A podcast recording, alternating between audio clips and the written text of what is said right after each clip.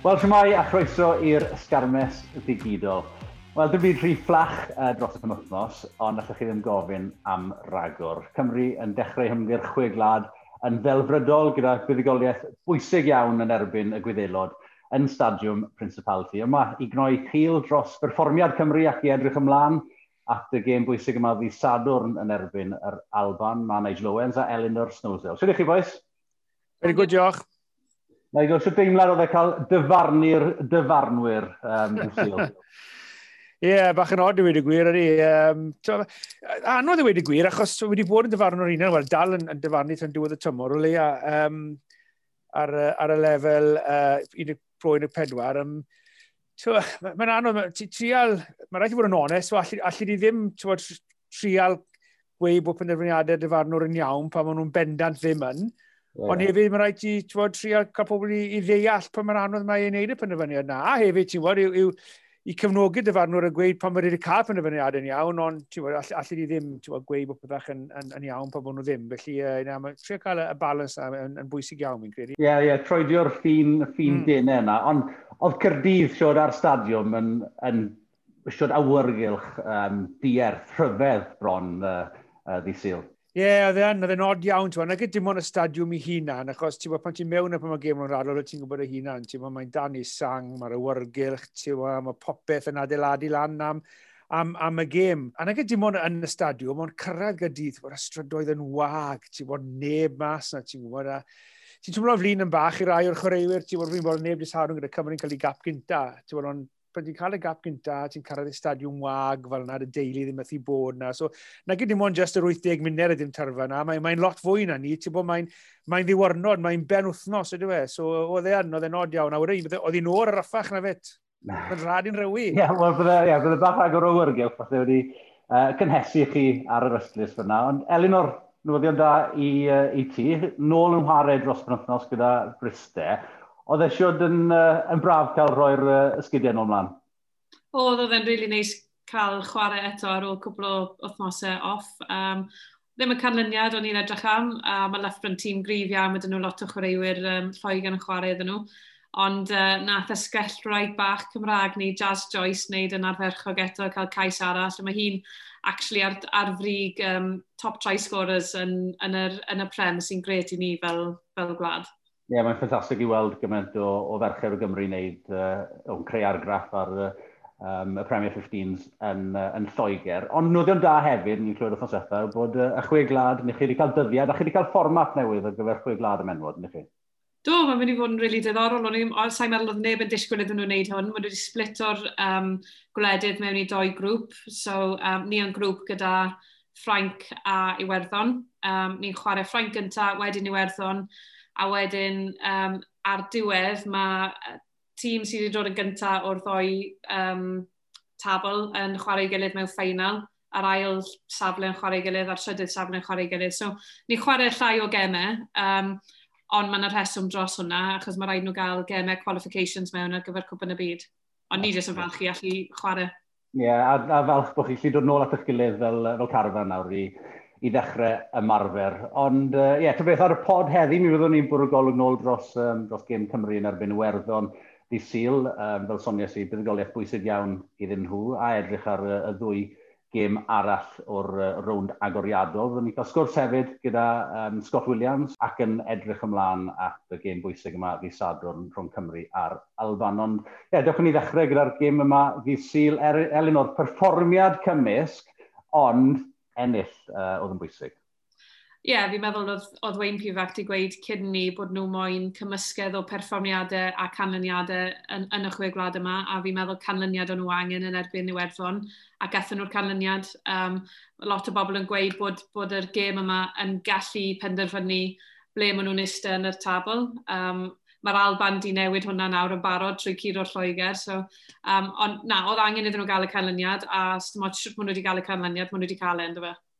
A Nigel, tipyn o'r um, perfformiad yna a'r pwnc llosg uh, yn amgylchynu o gwmpas y uh, carden coch yna i Peter o ma hynny. Sa'n credu bod unrhyw fath o, o far cwestiwn dros y drosedd. Oedd e'n wallgo be nath e, a nath Iwerddon yn pendraw uh, dal i'n rhyd iawn.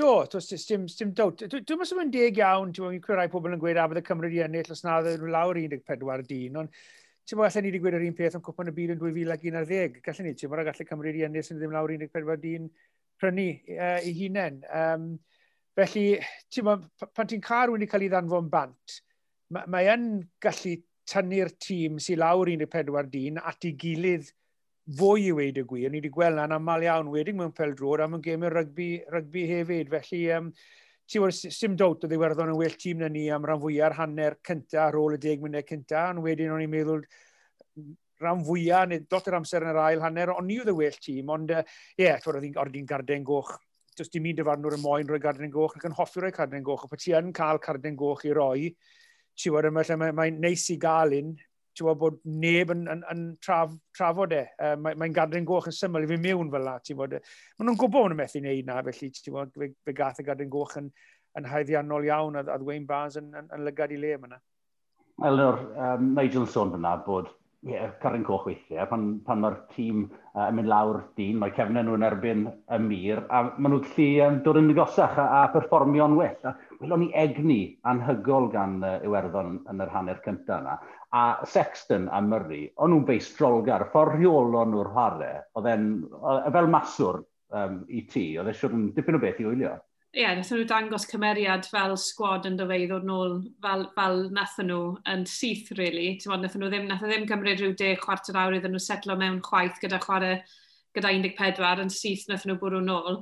Um, ond fi'n fi, cytuno, ma, oedd Maria Sexton, oedd cico nhw yn anhygoel, os, os chi'n cymharu'r cico rhwng um, rhif 90 Iwerddon a Cymru, oedd rhai Cymru just bach rhy hir, a o'n nhw'n rhoi amser i Iwerddon ddod nôl, ond oedd cico Murray just reid lan, o'n nhw'n rhoi um, cefnwyr Cymru o dan llwyth o bwysau, a dyna siwr ti'n rheoli gêm yn enwedig pryd ti lawr gyda 14, so ti'n ma'n chwarae dy'r bil gormod oedd Cymru heb ware lower gyda'r gyda bel, gorfod nhw amddiffyn gymaint yn yr hanner cyntaf yna. Cymeriad oedd y gair defnyddiodd Elin o'r fyna Nigel, amddiffyn nhw 270 o, o dacls yn credu gan Gymru. Mae'n stat aruthrol, ond wrth gwrs, byddai'n credu bod yn well gan Gymru fod yn chwarae gyda'r bel na, yn ytrach na, na heb y bel.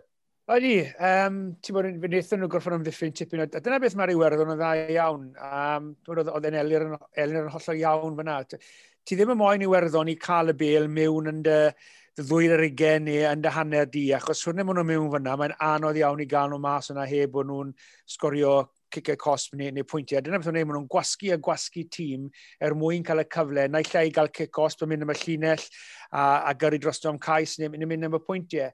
A fe nath Gymru i, i gico um, yn wael ar, ar, ar, ar, ar y degau a, a roi'r cyfle i werddon wedyn i ddod i ni nôl dan nôl dan bwysau. Um, a cwrs pan y ti'n amddiffyn, ti ddim yn cael cyfle i ni rhywbeth gyda'r bel. A wedyn pan ti yn cael y bel, ti yn hanner, hanner dina. a wedyn ti'n ti'n ti rhiffro'r chwarae bach wedyn, a dyna lle mae camgymeriadau yn, yn digwydd, a nath ni ddigwydd, e, gathen ni weld yn digwydd gyda Iwerddon yr ail hanner, pan nath Ringros trial ware mas, sydd dim beth mae'r Iwerddon yn arfer wneud, a wedyn Cymru yn, yn cael y mantis o, o, o fyny. Um, a ti'n gwybod, pan gethon ni'r bil, le ni wedi licio gweld uh, George North yn gyfwy o gyfleuon, mae'n mae warren dda ar y foment war y teg y fe. Um, a Louis Rhys Amit hefyd ar yr asgell, ti'n gwybod, licio ni gweld ei cael fwy o, o, o bel, achos bod tro mae'n cael y bel, er bod e'n hollol wahanol chwaraewr i, i Shane, pan mae'n cael y bel, ti'n disgwyl rhywbeth i ddigwydd, mae'n grif, mae'n gyflym, a ti'n bod nath, nath George i sgwr cais arbennig, a, a, a ffordd nath Lewis Rhys Amit i orffen y cais na off, affach oedd yn affach o gais war, war y teg. So, fwy o'r bel yn y dwylo fi'n credu sy'n eisiau'r Cymru, a am bendant na bydd eisiau nhw'n lan yn erbyn yr Alban di sadwn. Ie, yeah, rygbi rygbi risg isel falle yw rygbi rhyngwladol yn dyfel un o'r yn credu bod Wayne Pivac a Stephen Jones yn dysgu hynny dros, uh, maen nhw dysgu hynny dros y, y deuddeg mis diwetha. Ti wedi gweld bod nhw wedi addasu falle ffordd maen nhw'n harau. Mae e'n chydig llai ffwrdd â hi nawr, mae e, mae e bach fwy cydwadol y ffordd maen nhw'n uh, trio, trio rheoli'r bel a cadw'r meddiant yna.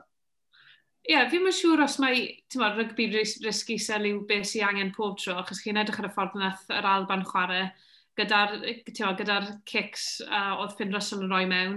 Mae ma lot o kicks yna fel rai ar draws y cae neu, neu rai bach yn, yn gallu fod yn risg i chi, i fod yn onest, ond mae fe'n pryd chi'n cymryd y risg. Um, a chi ond yn gallu cymryd y risg pryd mae ydych chi mwy o meddiant, a so ni'n lli gael meddiant heb ennill y lein. So fi'n meddwl mae fe'n ma fe really bwysig. Odyn maen nhw wedi cymryd llai o risgiau, maen nhw'n cico lot mwy. Um, Ond i gael tiriogaeth a meddiant, mae rhaid ni ennill ni, wedyn allwn ni adeiladu'r cymalau, a wedyn allwn ni gymryd fwy o risgs gyda'r cics. I fod yn deg hefyd, fi'n credu i wein ar tîm, y fforddi yn enwedig. Beth wnaethon nhw'n y hydref? Roi nhw gyfle i lot o chwaraewyr newydd, chwaraewyr ifanc, i gael gweld a nhw'n barod am y gêm ryngwladol. Rhai o nhw ddim yn barod, uh, neu eisiau fwy o brofiad. So, so gyda fe nawr, mae chwaraewyr profiadol gyda fe nawr, neu chwaraewyr mae'n gwybod sy'n barod am y lefel na. Os edrych chi'n ôl y hydref, lot o chreuwyr dim wedi ware llawer uh, achos Covid a pethach, a ti bod um, dim quite yn barod eto am y lefel rhyngwladol. Felly, i fod yn deg wella yn yr hydref, oedd e'n anodd iawn i weld unrhyw batrwm neu unrhyw stael yn y hydref, achos oedd e'n trial chwaraewyr mas. Nawr mae gyda fe'r chwaraewyr mae'n gwybod sy'n barod am y lefel rhyngwladol, gyda rai fydd yn barod welle mewn cwpl o gemau mewn bod, tymor nesaf neu yn dylan am 2023, mae e nawr yn gallu fi'n credu gweithio'r patrwm rownd y chwaraewyr mae'n gwybod sydd gyda fe, a welle na pan welle nawr i ni mae'n gweld, wel dyma'r chwaraewyr sydd gyda fi yn barod am y lefel un, felly mae rhaid i fi nawr i weithio steil sy'n mynd i weithio i'r chwaraewyr ma nag e hytrach, chwil, dyma'r stael fi mae'n ware, os yw'r chwaraewyr gyda fi ware'r stael na, so welle bod hwnna nawr wedi newid bach o'i feddwl e welle, ti'n gwybod? Fydde ti'n cytuno, Eleanor, achos gen i ddim wedi eto wedi gweld stamp Stephen Jones a, a stamp y Scarlett, os ydych gyd ar dîm Cymru, dyn ni. Ie, yeah, bys ni'n cytuno. Fi'n meddwl nes ni weld un cymal um, ble nes nhw... Fi'n meddwl off-lane oedd e, George North cario'n grif lan y canol, wedyn Johnny Williams yn cario, neu oedd un o'n nhw, ond oedd y ddoi o'n nhw wedi cario'n rili really grif am y ddoi cymal, a wedyn cael y bil mas i Rhys Samet, o'n nhw'n ceisio cael y pêl mas. So chi'n gweld siwp maen nhw mae'n chwarae, a dyna'r ffordd i chwarae, yn wedi os maen nhw'n mynd i edrych ar, ar George North fwy fel, fel canolwr, Johnny Williams yn edrych fel opsiwn da. Mae rhaid i chi, e, gyda ffordd mae amddiffyn tîmoedd nawr, mae rhaid i chi e, bwrw lan bwrw lan, a wedyn cael y bil yn gyflym mas. So, tiwod, maen nhw wedi gwella lot yn, yn yr ardal y dacl fi'n meddwl, wnaethon nhw cadw mwy o'i bil, o, tiwod, yn erbyn tîm sy'n sy hoffi cystadlu fyna lot. Um, so mae yna wedi bod gwelliannau. Un peth o'n i'n meddwl nhw wedi gwella lot an, os ni jyst yn mynd nôl i'r amddiffyn, oedd yn yr 20 munud cyntaf, nath nhw ddim roi cicos ffwrdd o gwbl, a er iddyn nhw amddiffyn lot yn hanner ei hun, fi'n meddwl oedd Sexton yn siŵr bod nhw'n mynd i cadw'r cymalau a bod e'n mynd i gael cic yn fwy hir. So, o'n nhw'n lot fwy am amyneddgar, o'n nhw'n nhw gadael y recs. Yr ochr arall o hwnna wedyn, o'n nhw ddim yn cael lot o bobl yn troi'r pil drosodd, so mae rhaid nhw just fynd o'r balans fyna hefyd. Ie, yeah, yn diddorol beth ti'n gweud fyna, mae werddon yn dîm sy'n yn cystadlu lot yn draddodiadol, uh, a mi o'n nhw yn yn y chortrawr gyntaf, nodon nhw meddwl y meddylfryd nhw. No ond nhw ffili fforddio i rhoi'r dîm ychwanegol na mewn i, i gystadlu unwaith collon nhw Peter yma hynny. So gorfod nhw newid y, y ffordd oedden nhw'n amddiffyn. Yn anffodus i fi, o'n i'n teimlo, gelon ni digon o bel cyflym, ond i fi, sa'n credu falle nelon ni gymaint gydag e a, a bydden ni'n licio gweld. Ond pa beth am hynny, peth arall oedd e wedi mynd yn arbennig o dda o'i gymharu ar um, gêm yn erbyn Iwerddon nôl yn yr hydre, oedd y sgrymiau yn Nigel. Nawr, un peth dal yn llygad i, sawl un yn canmol o sgrymiau, wel, i sawl un yn mynd lawr, a Wayne Barnes yn fodlon iawn i ganiatau'r i'r sgrym na ddymchwel, ond i waharau'r bel uh, i ffwrdd. Ond i'n an rhywbeth nawr mae'r cyfarnwyr mynd i wneud yn amlach yn ystod gystadleuaeth? Beth oedd y rheswm tu ôl hynny? Uh, Wy'n gobeithio ddim, achos i drafod yn gyda Nicky Robinson pan o'n i gwylio'r gêm gyda fe gyda Aras Bedwarec di sadwn, wrth gwrs. Um, Oedd Cymru yn, yn anffodus iawn yn y hydref i gael ei cosbi'n rhai o'r sgrymau, a dyna'r neges dath nôl o'r pobl oedd yn gwylio'r gemau ac yn gwylio'r dyfarnwyr. Dath y neges nôl i wegen, oedd dyfarnwyr wedi cael rai o'r sgrymau na'n anghywir yn y hydref. Gath Cymru cosbi'n anghywir jyst yn bod yn wedig yn y gêm werddon ac yn wedig yn gêm uh, Lloegr. Uh, a nath e brofi di sadwn i fi o sgrym Cymru yn gryfach na sgrym Iwerddon di, sadwn. Nawr, y broblem yw, a dyna byddwn ni'n siarad gyda Nicky ar dechrau'r gêm, pan ath y sgrym gynta na lawr, i fi, pen um, tin yr Iwerddon, ath lawr y sgrym na. O, ti'n gweld i byluniau goesau fe ar y llawr, a wedyn mae'r sgrym yn mynd lawr. Nawr, del ohono fod yn gic osbi Gymru, heb, heb os na goni bai. Ond achos mae Wayne Barnes yn wario ymlaen, beth oedd yn digwydd wedyn, oedd Cymru'n cico'r bel, cadw ddi ar y ca, oedd Iwerddon yn cico nôl, cic nôl, cic nôl, a yn y diwedd, fe ddath hwnna i ben pan gath Dan Lydia i anaf. Nawr, so Wayne Barnes wedi rhoi y cic osb, beth dyle wedi rhoi, Bydd y Cymru wedyn wedi cico i'r yslus, rownd y hanner, walle mewn i y llinell 10 metr yn hanner yr Iwerddon, a Cymru'n taflu mewn i'r llinell. Mae hwnna nawr yn cael effaith mawr ar beth sy'n digwydd nesaf. So i fi, mae'n iawn, fi wedi gwneud yn hunan, os yw sgrym yn mynd lawr, mae'r bel ar y ffordd mas, mae'n iawn i wario ymlaen.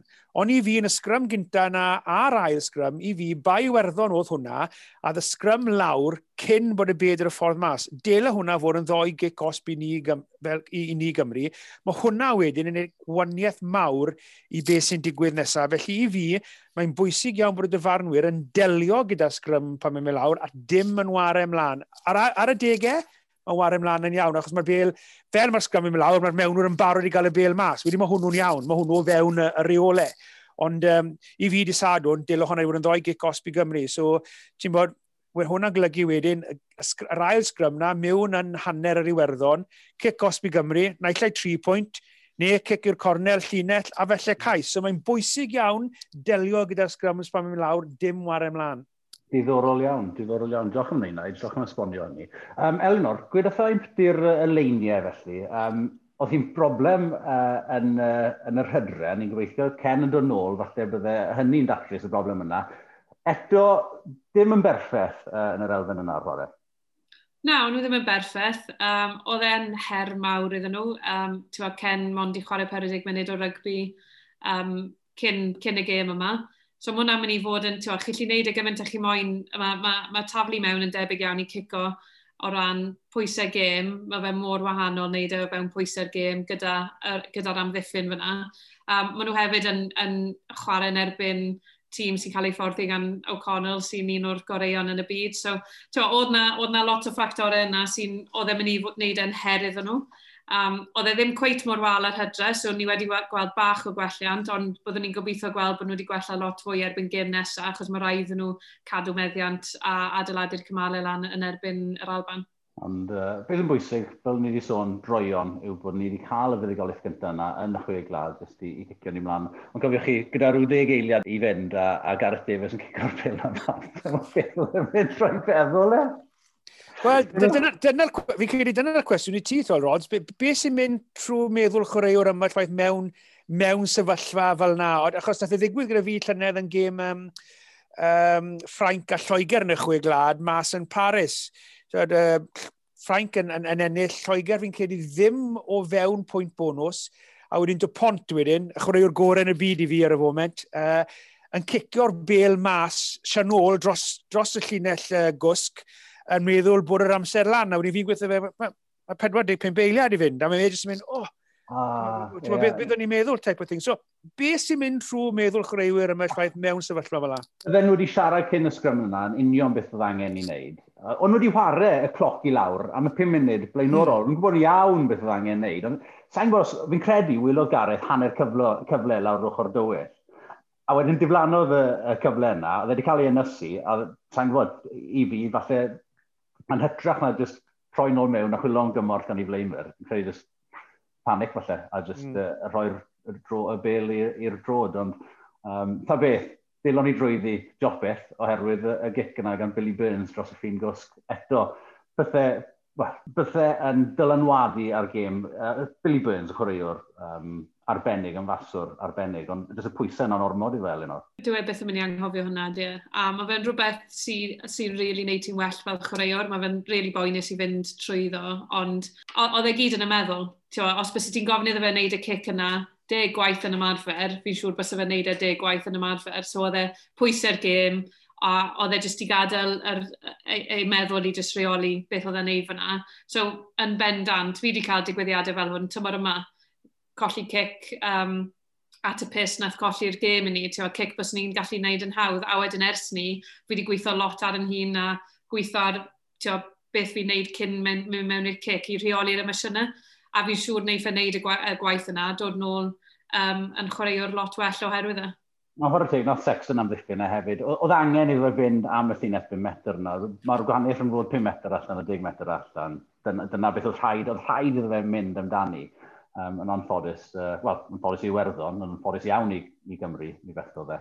Ond um, dechrau symud ymlaen i siarad byw ddwy gêm arall uh, o'r penwthnos, o'r rownd agoriadol yna. Dechreuon ni gyda'r gêm rhwng uh, Reidal a Frank. A waw, Frank, o'n nhw'n edrych yn didostur, bob cyfle geilon nhw, straight trwy ddo. O'n nhw'n efreiddiol i wylio, ond o'n Elnor. Ie, oedd e bach fel um, gwylio uh, ymarfer cyn gêm, ble chi'n rhedeg trwy popeth chi moyn neud, a mae popeth yn gweithio achos chi'n redeg yn erbyn bod, llai, o, llai o amddiffynwyr. Na, mae fe'n ma fe anodd chwarae yn erbyn tîm fel yr Eidal weithiau, oherwydd mae'r ffordd maen nhw'n chwarae, um, chi'n methu gweud yn union beth maen nhw'n mynd i wneud, mae, nhw, mae, mae cyfleoedd pob man, so mae fe'n hawdd iawn i tîm fod um, troi mewn i sort of unigolion a pawb, pawb moyn sgorio, pawb moyn neud y peth anhygoel. So i aros gyda'i gilydd fel tîm a i, i fynd trwy proses, prosesau, fynd o'r gwagle, ond na ceisiau lyflu, tymod, oedd Dupont yn, yn briliant fel, fel bysych chi'n disgwyl. Teddy Tom ar, ar yr asgell eto'n yn, yn briliant a o'r reidau jyst methu, methu byw dyn nhw. Ffili byw gyda nhw, Nigel, ond o'n nhw'n siomedig yn dod nhw uh, uh, yr eidl. Oedd ddim byd gan nhw i'w gynnig, really, mewn uh, wrth ymosod. A fel soniodd Warburton, oedd e'n bryd eto'n i ni gwestynu um, a ddylse yr eidl fod yn rhan o'r chwe neu a ddylse na fod bob blwyddyn, um, fel na Sam Warburton awgrymu, rhyw fath o um, play-off rhwng um, y tîm sy'n ennill ailadran y um, bengyfwriaeth y, y chwe er mwyn cael rhyw fath o ddyrchafiad, achos mae, ma Georgia wedi profi bod nhw ar y safon angen reidiol i, i gystadlu o leia. Um, Ie, yeah, ar ran yr reidal, fi'n ar fo, cryfder y reidal wastad wedi bod i'w sgrym ar, ar, ar, ar môl, dyna neu cryfder nhw um, yn y blaenwyr. Ar y foment, maen nhw'n trial ware gêm agored, Felly maen nhw, ma, ma nhw rhwng y ddoi ar y foment, dyw, dyw cryfder nhw ddim ar y blaenwyr a dyw, dyw nhw ddim quite digon siarp tu ôl. So dyna pam ar y foment, credu maen nhw, ma nhw bach ar, ar goll ac, ac ddim, ddim twyr, yn, yn ennill gemau. Dyn ni ddim quite y cytuno gyda ti a, a Sam ynglyn â a Georgia. Ti'n bod nes i ddyfarnu nhw yn, yn y hydref, ond nhw'n siomedig iawn erbyn, erbyn Lloegr. Oedd Georgia yn grif, dwy tair blynedd yn ôl, ond maen nhw ar y foment hefyd nawr, wy'n credu ti, bod, ti, ti ddim yn mynd i ennill gemau nawr gyda just y scrum ar môl. Mae eisiau fwy o'n ti nawr. A Georgia yn, yn y hydref, ti bod nhw'n bod nhw'n oce, okay, nhw ddim byd, ddim byd special i, i bydd o'n y cryfdau nhw'n cwbl yn oedd ôl. Yr unig beth byddwn ni'n gweud yw, rhaid mae'n iawn i babi weid ar hyn o bryd, mae'r ma reidel yn gorffen uh, ar y gwylo bron y bob, um, bob blwyddyn yn, yn ddiweddar. Ond mae rhaid ti gofio, pwy cychwynodd y, pum, uh, y peder gwlad oedd y gynta, Mm. Cymru Alban i werddon Lloegr. Wedyn dath Ffrainc mewn yr rhan ohono fe, a wedyn dath yr Eidal mewn yn, yn, yn 2000. Fi'n credu hefyd mae e, e'n mae e fwy na just y tîm oedd rygbi na. Be sy'n neud y chwe glad mor arbennig yw'r cefnogwyr.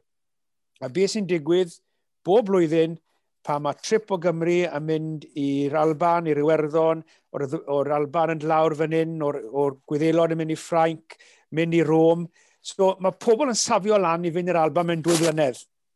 Na beth sy'n digwydd os nad yw'r Alba na blwyddyn nesaf e? Neu beth sy'n digwydd i'r Iwerddon sy'n paratoi nawr i ddod draw i Gymru mewn dwy flynedd a wedyn dyw Cymru ddim na. Dwi, dwi ddim gweld yn gweithio yn, um, yn y chwe glad i fod yn, yn onest. Um, beth fi'n credu sy'n eisiau digwydd yw bod Georgia yn cael cyfle i ware fel wnaethon nhw'n y hydref ware fwy o gemau erbyn Cymru, Werddon, Alban, Ffrainc, Reidal a Lloegr, bod nhw'n cael y cyfle ware fwy o gemau yn ystod y hydref yn erbyn nhw.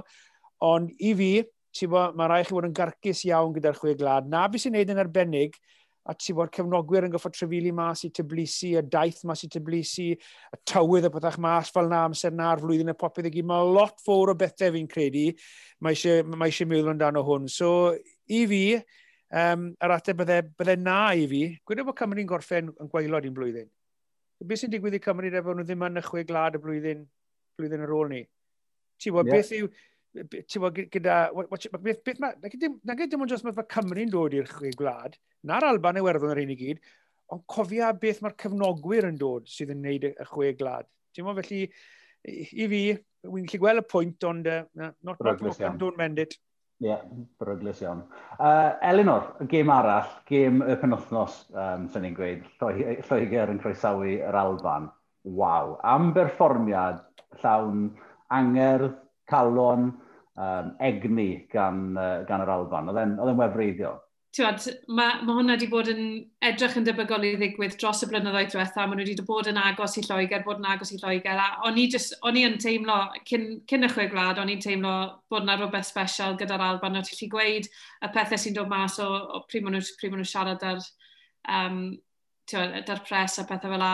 A o'n nhw just cael Finn Russell nôl mewn, Stuart Hogg on form, De Exeter, Johnny Gray on form. Tywad, mae dy ti'r holl chwaraewyr yna sy'n sy wedi bod yn chwarae tu fas o'r Alban sy'n dod nôl mewn gyda'i profiad a gyda'i hyder yn erbyn tîm fel Lloegr, mae, mae hanner o chwaraewyr nhw ddim wedi chwarae o gwbl tymor yma. Eddie Jones ei hun wedi gweud bod e ddim wedi paratoi'r tîm digon da. Um, a maen nhw'n dod mewn a cico popeth. I Stuart Hogg sy'n un o'r, un or chwaraewyr bod, gore o gwmpas. So, yeah, just really, really falch i'r Alban i fod yn onest. A fyna hefyd, achos mae'r Alban, maen nhw wedi ers sawl tymor wedi profi bod nhw, bod ganddyn nhw'r chwaraewyr talentog yma, mae ganddyn nhw'r gêm ymwysodol arbennig yma, ond ganddyn nhw'r um, yr awch galed yna, yr, yr awch gorfforol yna. Um, a dyna beth oedd fwyaf um, amlwg i fi yn erbyn Lloegr, oedd bod nhw mor barod i gwrdda um, Lloegr ar y llunell fantes a ennill y frwydr uh, gorfforol yna. Ond fi'n gwybod bod ni'n mynd yn bryn o amser, a mae um, angen siarad am beth i gêm Cymru yn erbyn yr Alban arno ni. Ond cyn i ni wneud hynny, fi eisiau dod mewn a um, sgwrs ges i yn gynharach gyda Scott Williams. A nes i ddechrau um, drwy ofyn ni um, beth oedd ei argyffiadau fi o berfformiad Cymru yn erbyn Iwerddon. Oedd e'n eitha dda, fi gyda, chmod, yn, uh, ar y lefel rhyngwladol, mae'r ma rhai chi ennill gemau sy'n sy'n uh, sy, sy, siwrt chi'n ennill uh, mewn ffordd, um, mae'n bwysig cael y fuddigoliaeth a nath nhw'n dda i cael hwnna llawer o pwysau a benno yn mynd mewn i'r gym. Um, a mod, dath nhw mas gyda'r, uh, fel ni'n gweud, y fuddigoliaeth, so bydden nhw'n hapus hwnna a bydden nhw'n gallu gweithio mlaen o'r perfformiad na nawr. Oedd yr amddiffyn a, a'r disgyblaeth amddiffynol, o'n i'n meddwl, yn, yn ffantastig. Mae'n ma amlwg bod be bynnag mae Gethin Jenkins wedi, wedi, wedi wneud yn yr elfen yna ar chwarae, wedi talu ar ei ganfed. Achos gymaint o, o gymalau nath Iwerddon daflu at, at Gymru, a mi rosodd y, y llinell amddiffynol yna yn gryf drwy'r gêm. Do, oedd amddiffyn nhw yn, yn arbennig. Um, chymod, oedd e'n gêm cyfforol iawn, fel o'ch chi'n gweld gyda'r anefiadau oedd y boes wedi cael, chymod, uh, pob un yn rhoi corff uh, body on the line fel maen nhw'n gweud, a um, yeah, ddim lot o, o um, atebion gyda werddon a rhai amser um, oedd yn rhoi clod i amddiffyn y Cymru. Fi'n credu bod pawb yn braidd yn rhwystredig ar y funud falle. Nad un ni'n gweld Cymru yn creu digon, uh, enwedig ymlaeth uh, yr olwyr. Beth, beth ti'n meddwl sy'n tu ôl i hynny? Um, Samod, falle chmod, y pwysau sy'n dod â ben chi yn, uh, uh, ar y lefel na, um, fel o'n i'n gweud ar y dechrau, chmod, mae rhaid chi ennill y gêm a os mae hwnna gyda un pwynt uh, un pwynt yw e, chmod, a na beth sy'n um, pwysica. Um, chmod, ma, ma nhw'n treol uh, ffindo, fi'n credu, ffordd maen nhw moyn i ware, a sôn am mynd i digwydd dros nos. Um, mae'n mynd i cymeru mwy amser, a um, gobeithio bod ni'n gallu gweld nhw yn datblygu hwnna mwy nawr yn y gym nesaf. Beth, uh, beth oedd yn trwy'n y feddwl di fel cefnogwr yn stygytre pan welest ti Gareth Davies yn cico'r bil na bant gyda rhyw deg eiliad o'r gêm yn weddill? Ti di text fe eto? Sa'n siŵr, uh, sa'n i siarad efo to, ond um, fi'n abod Gareth yn dda iawn a fi'n siŵr uh, bydd e ddim yn hapus dau yna'n heddi, ond na, chymod, ni, ni gyd yn gwneud camgymeriadau a just, um, sa'n siŵr, ie, yeah, bydd e gallu dysgu o hwnna um, a, a gobeithio bydd e'n mynd eto. Ond fel ti wedi gweud, mae'r fuddugoliaeth, dyna'r dyna, peth pwysig, yn wedig i ddechrau'r ymgyrch yma. Fuddugoliaeth hefyd yn erbyn Iwerddon, mae'n ma dipyn o, o scalp os lici di. A ti wedi bod yn rhywun sefyllfa, chi wedi bod o'r hediad gwael, dim wedi cael gormod o fuddugoliaethau. Faint o hwb mae hwnna wrth i rhoi o ran hyder i, i dîm a Carfan Cymru? Ie, mae'n enfawr. Um, ma, fel ni wastad yn gweud, mae rhaid i chi yn y chwe glad, um, mae ma pob gêm yn bwysig fel sy'n eisiau chi Uh, sy'n ots, chymor, os chi'n sgori 50 pwynt, neu os chi'n ennill a un pwynt, mae a gyd yn, yn meddwl yr un peth. Obviously, mae'r bonus points ond y mewn iddi nawr, so falle um, mae hwnna yn y gym nesaf, mynd i dod i feddwl nhw, ond y gêm hyn, i gynnu nag un o'n nhw'n meddwl oedd rhaid i nhw ennill. Um, a chymod bod nhw'n cael hyderiad mawr o hwnnw, ond mae gêm galed yn nhw o flaen nhw, oedd hyn Ie, yeah, wel, dwi'n siarad am yr Alban yn y man, ond eisiau siarad am rhai unigolion o, o dîm Cymru a'i um, hymdrechion, perfformiadau nhw. Y person gyntaf, Capten, oedd Alan Wyn yn wefreiddiol. Dwi ei wario ys cwbl o fisiodd nawr, uh, wedi bod allan gyda Anad. A i gyrraedd y safon yna, chwarae'r 80 cyfan, mae e'n anhygol, mae e'n mae athletwr anhygol. Ydy, a sa'n gwybod fel mae'n neud e bob wythnos. Um, Mi'n credu na pan mae fe wedi dod mor bell yn ei garfan e, Mae wedi bod yn ymarfer fan hyn amser oedd e wedi cael yr arnaf a mae'n ma, ma pwysio unan pob dydd, smot beth mae'n neud.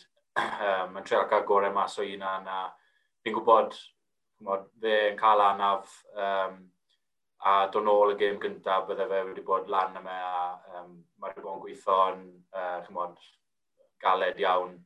Um, just wneud unrhyw beth mae gallu trio gwella unan. A fel am, mae wastad i bod a fi credu na pam, fel o'n i'n gweud, mae fe wedi bod mwy llwyddiannus. A ti'n gosod y safon hefyd i, i weddill y tîm cael dilyn. Um, ffrind i ti, um, oedd y boi arall ni'n siarad amdano, um, George North, mae'n ffantastig i weld e yn ail ddarganfod yr hyder yma ar rhyddid. Um, mae'n edrych fel chwaraewr hollol wahanol na beth oedd e rhyw um, chwe mis yn ôl. Mae fe'n world class player a um, wel, mae'n dysgu popeth off i eisiau i wario yn y canol y ca, ond um, na, mae fe'n um, Texas i fe a wedi si wrtho fe, ti'n mo, welcome to the centre, ti eisiau gweld mae fe dyma bach mwy battered yn bruised na beth bydde fe mas ar yr asgell, ond uh, ath e'n abennig, o'n i'n meddwl yn amddiffyn a amser gath e chawns um, oedd e wedi cymeru nhw'n dda iawn. Um, a fel y ti'n gwybod unan, um, mae lot o waniaeth um, yn amddiffyn yn anwedig yn canol y car. Um, a fi'n credu yn bersonol, o'n i'n meddwl bod e wedi wneud yn, yn dda iawn. Ie, er yeah, wel, siarad amddi y ffordd nath e uh, amddiffyn, ond mae cael ein nghanol ca hefyd yn glygu bod y gyda un o chwaraewyr mwyaf bygythiol ti um, yn cael y cyfle yna i gael i, uh, i ddwylo ar y bil yn amlach. A, a dyna beth ti eisiau gweld. Ti eisiau gweld y chwaraewyr gorau staff gyda'r bil gymaint y gallwn ni. Ie, yeah, mae rhaid ti cael e, y, y pel yn ei dwylo fe gymaint i gallu a chwan, even os chi'n iwso fe fel kind of dymu rynnau, mae fe'n tynnu 2-3 person mewn achos ei seis e a pwer e. So chi lli iwso fe uh, on, yn sawl wan o'r ffordd, really, a um, gobeithio na bydd Cymru yn um, iwso fe lot mwy gyda pel a, a iwso fe i creu gwlagle uh, llefydd eraill. Ond mae e'n ffantastig i weld bod George wedi ailddarganfod uh, um, yr hyder yna oedd, oedd gyda fe y stalo. Ond faint mae hynny, ti'n meddwl, i wneud gyda y ffordd mae'r ma gwelch wedi, wedi bod yn chwarae dros y misoedd diwethaf? Ydy, mae ma, ma, ma ennill wastad yn mynd i helpu mod eich um, uh, confidence a popeth, ond um, bod, uh, dechreuodd e'r tymor y gath e'r uh, carden coch na, a wedyn dechreuodd e'r gym yn erbyn Ffrainc, a wedyn oedd Wayne dim wedi pigo fe. Tro gyntaf, falle, yn ei crir e, um, mae rai, mae good competition dy fe, a mae wedi dangos faint mor dda yw e. Wel, y peth gorau sydd wedi digwydd yw e, yn, yn meddwl fi yw dim ware ar ôl y France gym na, achos mae wedi bod yn arbennig i'r gweilch, a nawr mae ma fe nôl i, i gorau. Chi'n gweld y hynger yna mewn e nawr a moyn warin dda a moyn cael y pel yn y dwylo. Na, mae'n ffantastig i. Iddo fe, mae'n ffantastig uh, i, i Gymru hefyd. Ac i'r gwelch, symudwn ni mlaen nawr i siarad ambyti uh, y rhanbarth chi, achos ie, yeah, chi di, uh, chi di um, safod, ailansio chi'n en uh, y tymor yma, tymor diwetha, tymor i'n hofio am ti uh, yn llwyr, Ond, sa'n beth, beth yw e am beth uh, y cymor yma? Beth sy'n sy newid yn amlwg tîm y fforddi newydd? Efe, oedd i'n mor syml â hynny? Ie, yeah, fi'n credu, um, chymod, fel ych chi'n gweud, uh, tymor diwetha i ni yng Ngofio, ond ie, um, yeah, ni wedi cael, um, chymod, mae bwddi a um, broc wedi dod mewn, a chymod, maen nhw wedi bod yn dda iawn, wedi tynnu y boes at ei gili a mynd ôl i kind of beth yn ni'n dda uh, arno, a ni wedi cael um, canlyniadau hefyd, so mae hwnnw'n helpu. Ie, yeah, mae'r ma, confidence y boys lan lot nawr cymaru a, a chymod, oedd a fel dim ond mynd nôl i dymor diwetha gormod, ond chymod, pryd chi'n colli pob, pob gêm yn anodd, um, achos chi'n rhoi yr un faint o, o effort mewn, ond sy'n mynd results yn dod. Mae troi lan i'r gwaith gymaint yn anoddach, yn dweud, elon i drwy'r gyfnod yna gyda'r gyda, gyda reigiau, mae'n ddiflas bob wythnos. Chi'n chi just ffili cael um, y brec yna a unwaith chi'n cael y, y momentum, a cael tyn bach o hyder, mae jyst yn gwedd newid y tymor, gwedd newid eich, um, eich perfformiadau a'r tîm. Ie, yeah, ydy. Um, ti'n meddwl, fel chi'n gweud, a wedyn, pryd chi'n colli tramser, chi'n rhoi mwy o effort mewn, a wedyn chi'n teimlo fel bod chi'n gweithio mwy galed, ond dal ddim yn cael yr er, ennill gêm, ond ie, yeah, mae wedi bod yn, yn, uh, lot o well um, y tymor hyn, a gweithio nawr maen nhw'n gallu cario ymlaen. Um, dros uh, y gymer o lafyn a gobeithio fy'n eich uh, benni y tymor yn dda. Da, ond ar y not y chwe glad nawr, nes ti gyffwrdd ar yr alban, mae'n mynd i fod yn, yn brawf anodd iawn i Gymru fi sadwn lan yn Murrayfield. Nes ti wylio gêm Lloegr yr alban, a os felly, be nes ti o, o berfformiad yr albanwyr? Ie, yeah, uh, maen nhw wedi bod yn tîm sydd wedi bod yn gwella lot uh, yn y tymorau diwetha, a fi'n credu oedd e'n rhywbeth falle oedd yn dod, fi'n credu. Um, mae'r chwaraewyr i gyd gyda nhw, chymod, um, Finn Russell a Hogg, chymod, rhai o chwaraewyr golau yn y byd, a oedd e jyst yn mynd i bod kind of matter of time nes bod nhw yn mynd i um, cael, uh, chymod, fuddugoliaeth yn fawr rhywbeth fel la. ie, yeah, mae'n mynd i bod yn gêm anodd i Cymru wrth os un, ie, yeah, fi'n edrych mlaen i fel mae'n mynd i mynd, uh, chymod, bant o gytre, gêm uh, gyntaf gytre nhw a bethau, so ie, yeah, mae'n mynd i bod gêm, gêm dda. Felly, Cymru yn erbyn uh, yr Alban, lan y Murrayfield ddi Sadwrn. Um, pa newidiadau gyda chi letter ti weld? Fi'n credu mae yna newidiadau gorfodol mynd i fod, mae Dan danludiaeth wrth gwrs allan, mae'r Williams, Williamses, Johnny Williams a Thomas Williams allan, um, a mwy na thebyg uh, Hallam Amos. Felly, cwbl o newidiadau amlwg. Um, pwy fyddai ti'n dod i mewn i'r safleoedd yna? Um, y rhai uh, mwy amlwg, really. Um, Fi'n siŵr o fod Gareth yn dymewn y, y, y, y rhif naw, Mae'n dependo os uh, mae Jonathan Davis yn ffit, beth maen nhw'n mynd i wneud y fe. Ie, yeah, am credu mae Liam Williams yn ôl. Um, so, siŵr bydd e'n ôl mewn.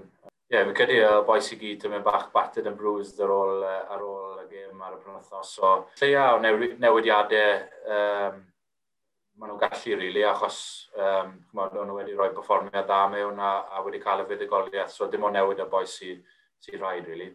No, Pwy sy'n mynd i'n rhaid i ddi sadwn then? Cymru neu'r Alban?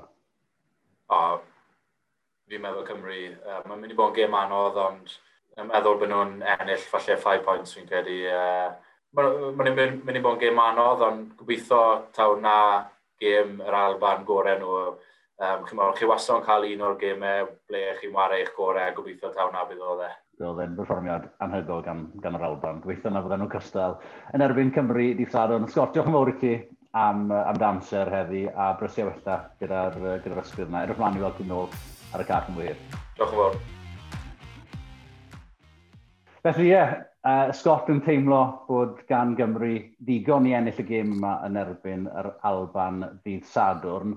A uh, fydde yn rhoi nhw mewn sefyllfa grif iawn yn y gystadleuaeth yma, Nigel. Uh, bydde fan. Um, Fe ni cytuno gyda Scott, achos fi'n credu be, falle bydd e... Mae'r gêm nebyn Lloegr yn mynd i wneud doi beth, mae'n mynd i roi hyder i'r Alban, ond hefyd bydd wedi tynnu lot mas ohonyn nhw fi'n fi credu, wedi gweud na, nath e tynnu lot mas o ni yn y fudigoliaeth efo'n Iwerddon hefyd, a, a ti'n meddwl, diwrnod y llai gyda ni baratoi ar gyfer y gêm, na beth sy'n gyda'r Alban, a falle bydd hwnna'n ei gwaniaeth, ond um, wi jyst yn gweld, os, os gall Cymru cael digon o bel i gael digon o sgrymiau i hunain, fi'n gweld ni'n gryfach na'r Alban yn y sgrym, Uh, a fi'n gweld yn blaenwyr ni fi'n credu. Ti'n bod bod ti'n siarad am y rengol o, ti'n bod mwyn y thebyg na fi di, ond yw dan lidiaeth yn anlwcus iawn, ti'n bod am, am yr ugen munud cynta na, dda e gyda chwaraewyr gorau ar y ca. Ond gyda ti'n yn y fidi y tiperic nawr a, a ffala taw, i, i fi mae'n ti reng ôl arbennig fyna sy'n gallu ennill y frwydr yna. A wedyn gyda byd a, a Ali Wyn Jones yn yr ail reng, y reng ôl, y reng flaen yn mynd yn dda di sadwn bit dyna fi'n credu ble bydd y gêm yn cael ei ennill ei cholli uh, disarwn, a fi'n credu gobeithio warydd Cymru yw cryfder nhw fyna disarwn. A am y reswm ni, uh, fi'n fi, fi credu fydd y fuddigoliaeth i ni fi'n gobeithio, ond bydd rhaid i ni bod ar yn gorau yn yr adar y dacl yna, achos mae'r ar Alban, maen nhw yn mynd am bob pêl maen nhw'n gallu na beth wnaethon nhw erbyn, erbyn Lloegr di sadwn.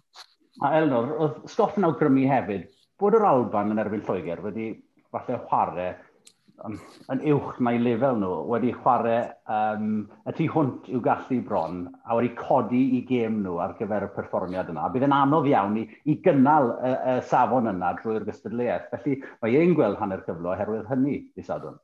Ie, yeah, fi'n cytuno'n llwyr, actually. Um, fi'n meddwl mae fe'n anodd iawn. Maen nhw, maen nhw wedi bod lan fyna nawr dy emosiynau nhw. Mae fe, siwp maen nhw'n lli rheoli emosiynau nhw. Um, bydd na, fi'n siŵr bydd na lot o sôn yn camp nhw am siwt maen nhw'n mynd i rheoli'r uh, me, me, meddylfryd a, a, a emosiynau, achos tiwod, so chi moyn, you don't want to get carried away, ydych chi, chi mod? Mae ma rhaid nhw gallu rheoli a, a cymryd pob gêm fel ma fe, ond mae cael Lloegr lan yn gyntaf yn mynd i fod yn anodd iddyn nhw nawr dod nôl a, a gwynebu Cymru dar un ffordd.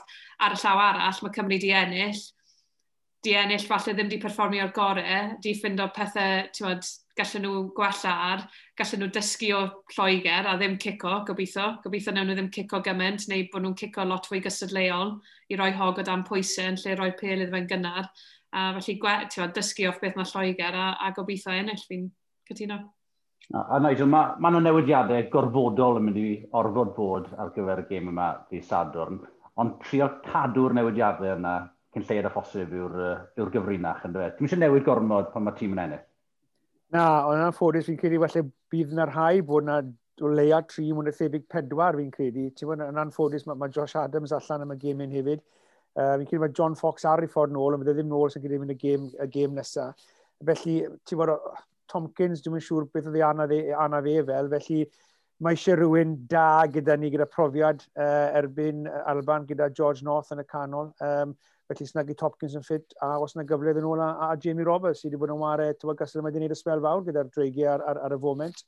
Um, ti'n bod os ti'n becso a lot am y blaenwyr, mae gyda ni Nafidi sydd wedi mewn yn lle, yn lle Lidiet. O'n i'n meddwl bod e'n um, wych gyda llaw. O, oedd e'n arbennig o dda. Uh, A ti'n bod mae Halemos mas hefyd, ti'n bod uh, cyfle ddim mewn a, a, a rhywun ar asgell nawr mae eisiau ni hefyd. A ti'n bod fel ti'n gweud, ti ddim yn moyn newid gormod. Liam Williams, mae fe'n gallu dyn nôl nawr dysadwn wrth gwrs, so gobeithio... Fe'n Um, newid amlwg iawn am y bydd, so bydd e'n ei llai nôl mewn um, ti'n bod, ar, ar, asgell, um, neu, neu yn gefnwr a, a fe a, a Fenny. Um, a cwrs, um, ma, ni'n meddwl bod nhw'n mynd gyda Gareth Davies, felly gyda i, i ddechrau'r gêm. Um, a naill ai symud Ciren Hardy lan, lan, uh, lan i'r fainc, neu, neu awn nhw'n ôl y web, falle.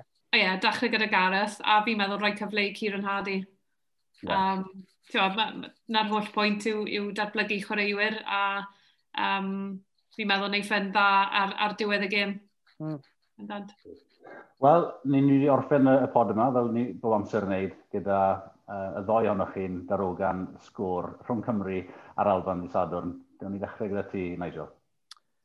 Fi'n cyn i fi ni'n sgôr gêm uchel na i am 32-25 i Gymru. Mm, 25-17 i Gymru. Wel, gobeithio ond fe y gallwn ni parhau gyda'r rhediad yma. Buddigoliaeth uh, yn erbyn Iwerddon, os ni um, yeah, dod fant o Murrayfield gyda ail buddigoliaeth. Bydd ni'n uh, argoeli'n arbennig o dda ar gyfer uh, y chwe glad. Gofiwch bydd holl gemau uh, Cymru yn ystod y chweglad ar Esbyr Rec. Uh, rhaglen i Sadwrn yn dechrau am 4 y gloch gyda'r geth gyntaf am chorter i 5. Um, felly cofiwch ymuno gyda Nigel a'r crew uh, lan yn Murrayfield. Dim pod wythnos nesaf, ond bydd hi'n arall gyda ni yn yr wythnos yn arwen lan at gym yn erbyn Lloegr yn rôn 3, ond oedd wrth am un 3. Ta-ra!